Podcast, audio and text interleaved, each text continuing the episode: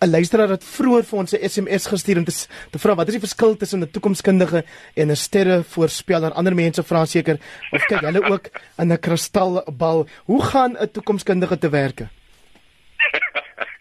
Hulle die die een groot verskil is dat ehm um, ons bemoei onsself nie eintlik met voorspellings nie. Ons bemoei onsself met die kuns en wetenskap van besluitneming. En wat dit beteken is ons begin op wat ons noem 'n transdissiplinêre basis. Met ander woorde, die onderwerpe wat jy nou genoem het, die opvoeding, die ekonomie, ehm um, jy weet, selfs die sielkunde, die sosiologie en dis meer. Met ander woorde, ons kyk transdissiplinêr, ons dink aan wat moontlik is, ons werk met waarskynlikhede en dan help ons organisasies om besluite te neem vir die dinge wat die mees waarskynlik is. Goed, nou as 'n mens oor hoofs kyk na die verskillende aspekte van gister se beraad, hoe sou jy sê in die breë beskou lyk Suid-Afrika se vooruitsigte vir 2018? Ons gaan dan daarna elke aspek afsonderlik hanteer. Einig ons uh, ons bespreek 'n uh, algemene uh, positiwiteit, 'n algemene optimisme. Ek dink uh, wat gebeur het met, die onlangse ANC verkiesing het 'n soort van nuwe gees eintlik uh, in Suid-Afrika teweeggebring en dit het eintlik vir al die sprekers 'n uh, 'n soort van optimisme gegee oor waarheen dinge kan beweeg en dit lyk positief.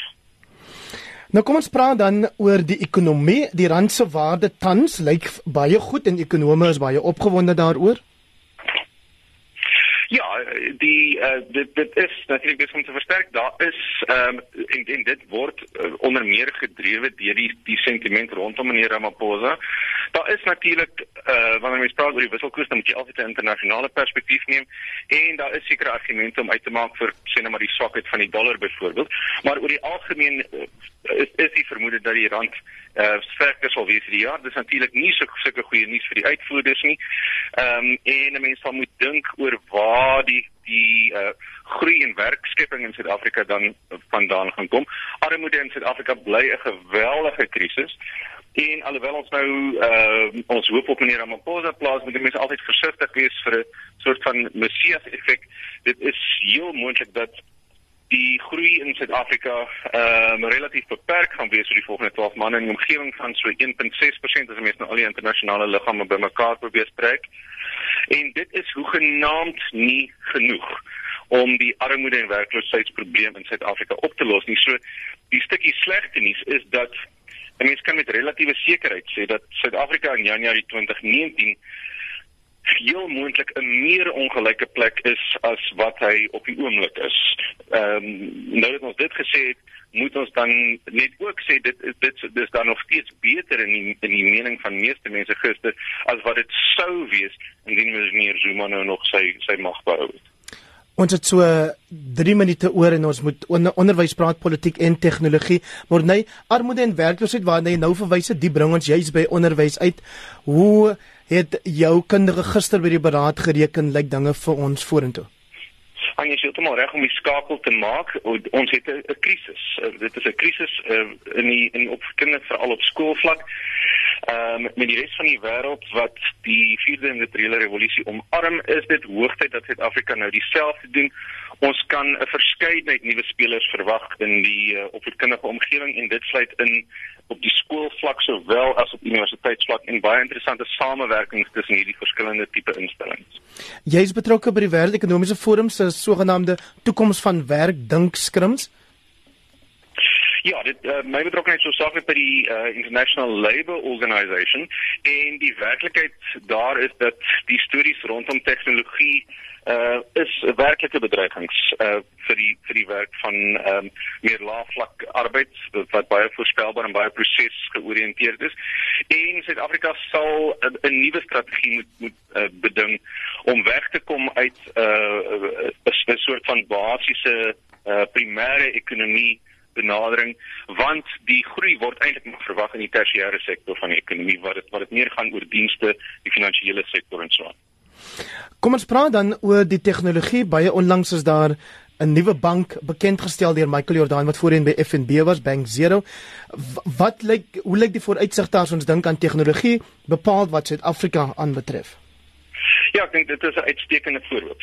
Die uh, as jy net met die goed bymekaar probeer skakel, wat is die verband byvoorbeeld sê nou maar tussen tegnologie en uh sosiale kohesie of uh, die algemene uh welstandsvlak van die samelewing, dan kan 'n mens sê dat in 'n sekere opsig kry ons 'n soort van nuwe diskriminasie dat jy 'n soort van digitale elite begin ontwikkel soos wat die wêreld uh, homself meer uh fundeer op 'n soort van uh internet gebaseerde of of tegnologie gebaseerde manier van leef. Met ander woorde, mense wat toegang het tot tegnologie wat tegnologie vaardighede het, is baie beter ekonomies geposisioneer as diegene wat bereid is om sê nou maar in die ou taal hard te werk. Dit gaan eenvoudig net nie genoeg wees nie. En dan oor die politiek Morney, jy het gister vir professor Willie Breitenberg van Stellenbosch daar gehad as 'n spreker. Wat sê hy vir die mense wat die beraad bygewoon het? Professor Breitenberg se mening is dit dit gaan die jaar van van die ondersoek van koalisies wees. Met ander woorde dit dit sal die die soort van kernvraag gaan wees. Ehm um, die ANC se steen is besig om te kwyn. Ehm um, wat gaan nou gebeur? Gaan dit gaan dit 'n geval wees dat kleiner partye hulle self skaar rondom die ANC om dan weer 'n soort van monolitiese mag te skep of gaan dit 'n geval wees van kleiner partye wat probeer saam staan? En dit lyk tog uh, na sy mening asof ehm um, asof die ANC dalk dan gaan slaag om 'n paar van die kleiner uh partye as 25 ehm um, van hulle nader aan hulle self te trek om sodoende hulle eie magsbasis te verbreek. Jy het nou nou verwys na adjunk president Ramaphosa wat nuwe ANC leier is. Hy staan by die Wêreld Ekonomiese Forum se beraad en jy het gesê mens moet versigtig wees vir 'n Messias beeld of die verwagtinge van 'n groot redder vir die land. Maar dit is so dat baie mense met baie hoop na hom kyk. Ek dink hy het 'n geweldige verantwoordelikheid. Uh Professor Willie Breitenberg het byvoorbeeld gister gevra, sal 'n mens eerder Ramaphosa wil wees of eerder Mnangagwa? En sy argument was hy speel eerder Mnangagwa hierdie jaar omdat Mnangagwa eenvoudig soveel besluitnemingsmag het terwyl uh Suid-Afrikaanse burgers nou herhaaldelik gewys het dat hulle eenvoudig nie 'n diktator uh sal verdra nie.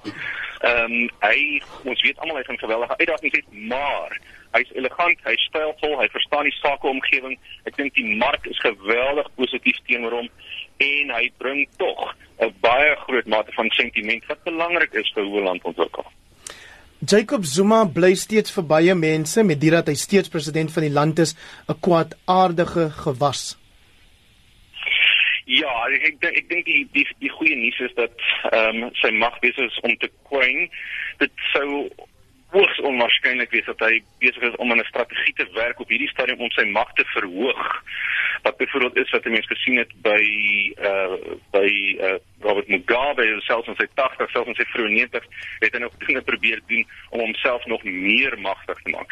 Ons het nou uh hier 'n man wat sterk tussen die bene is, hy probeer om homself te beskerm en in 'n sekere sin is dit goed vir die land, uh, want dan dan laat ons meer van die leierskap oor aan 'n meer gematigde groep mense rondom meneer Ramaphosa.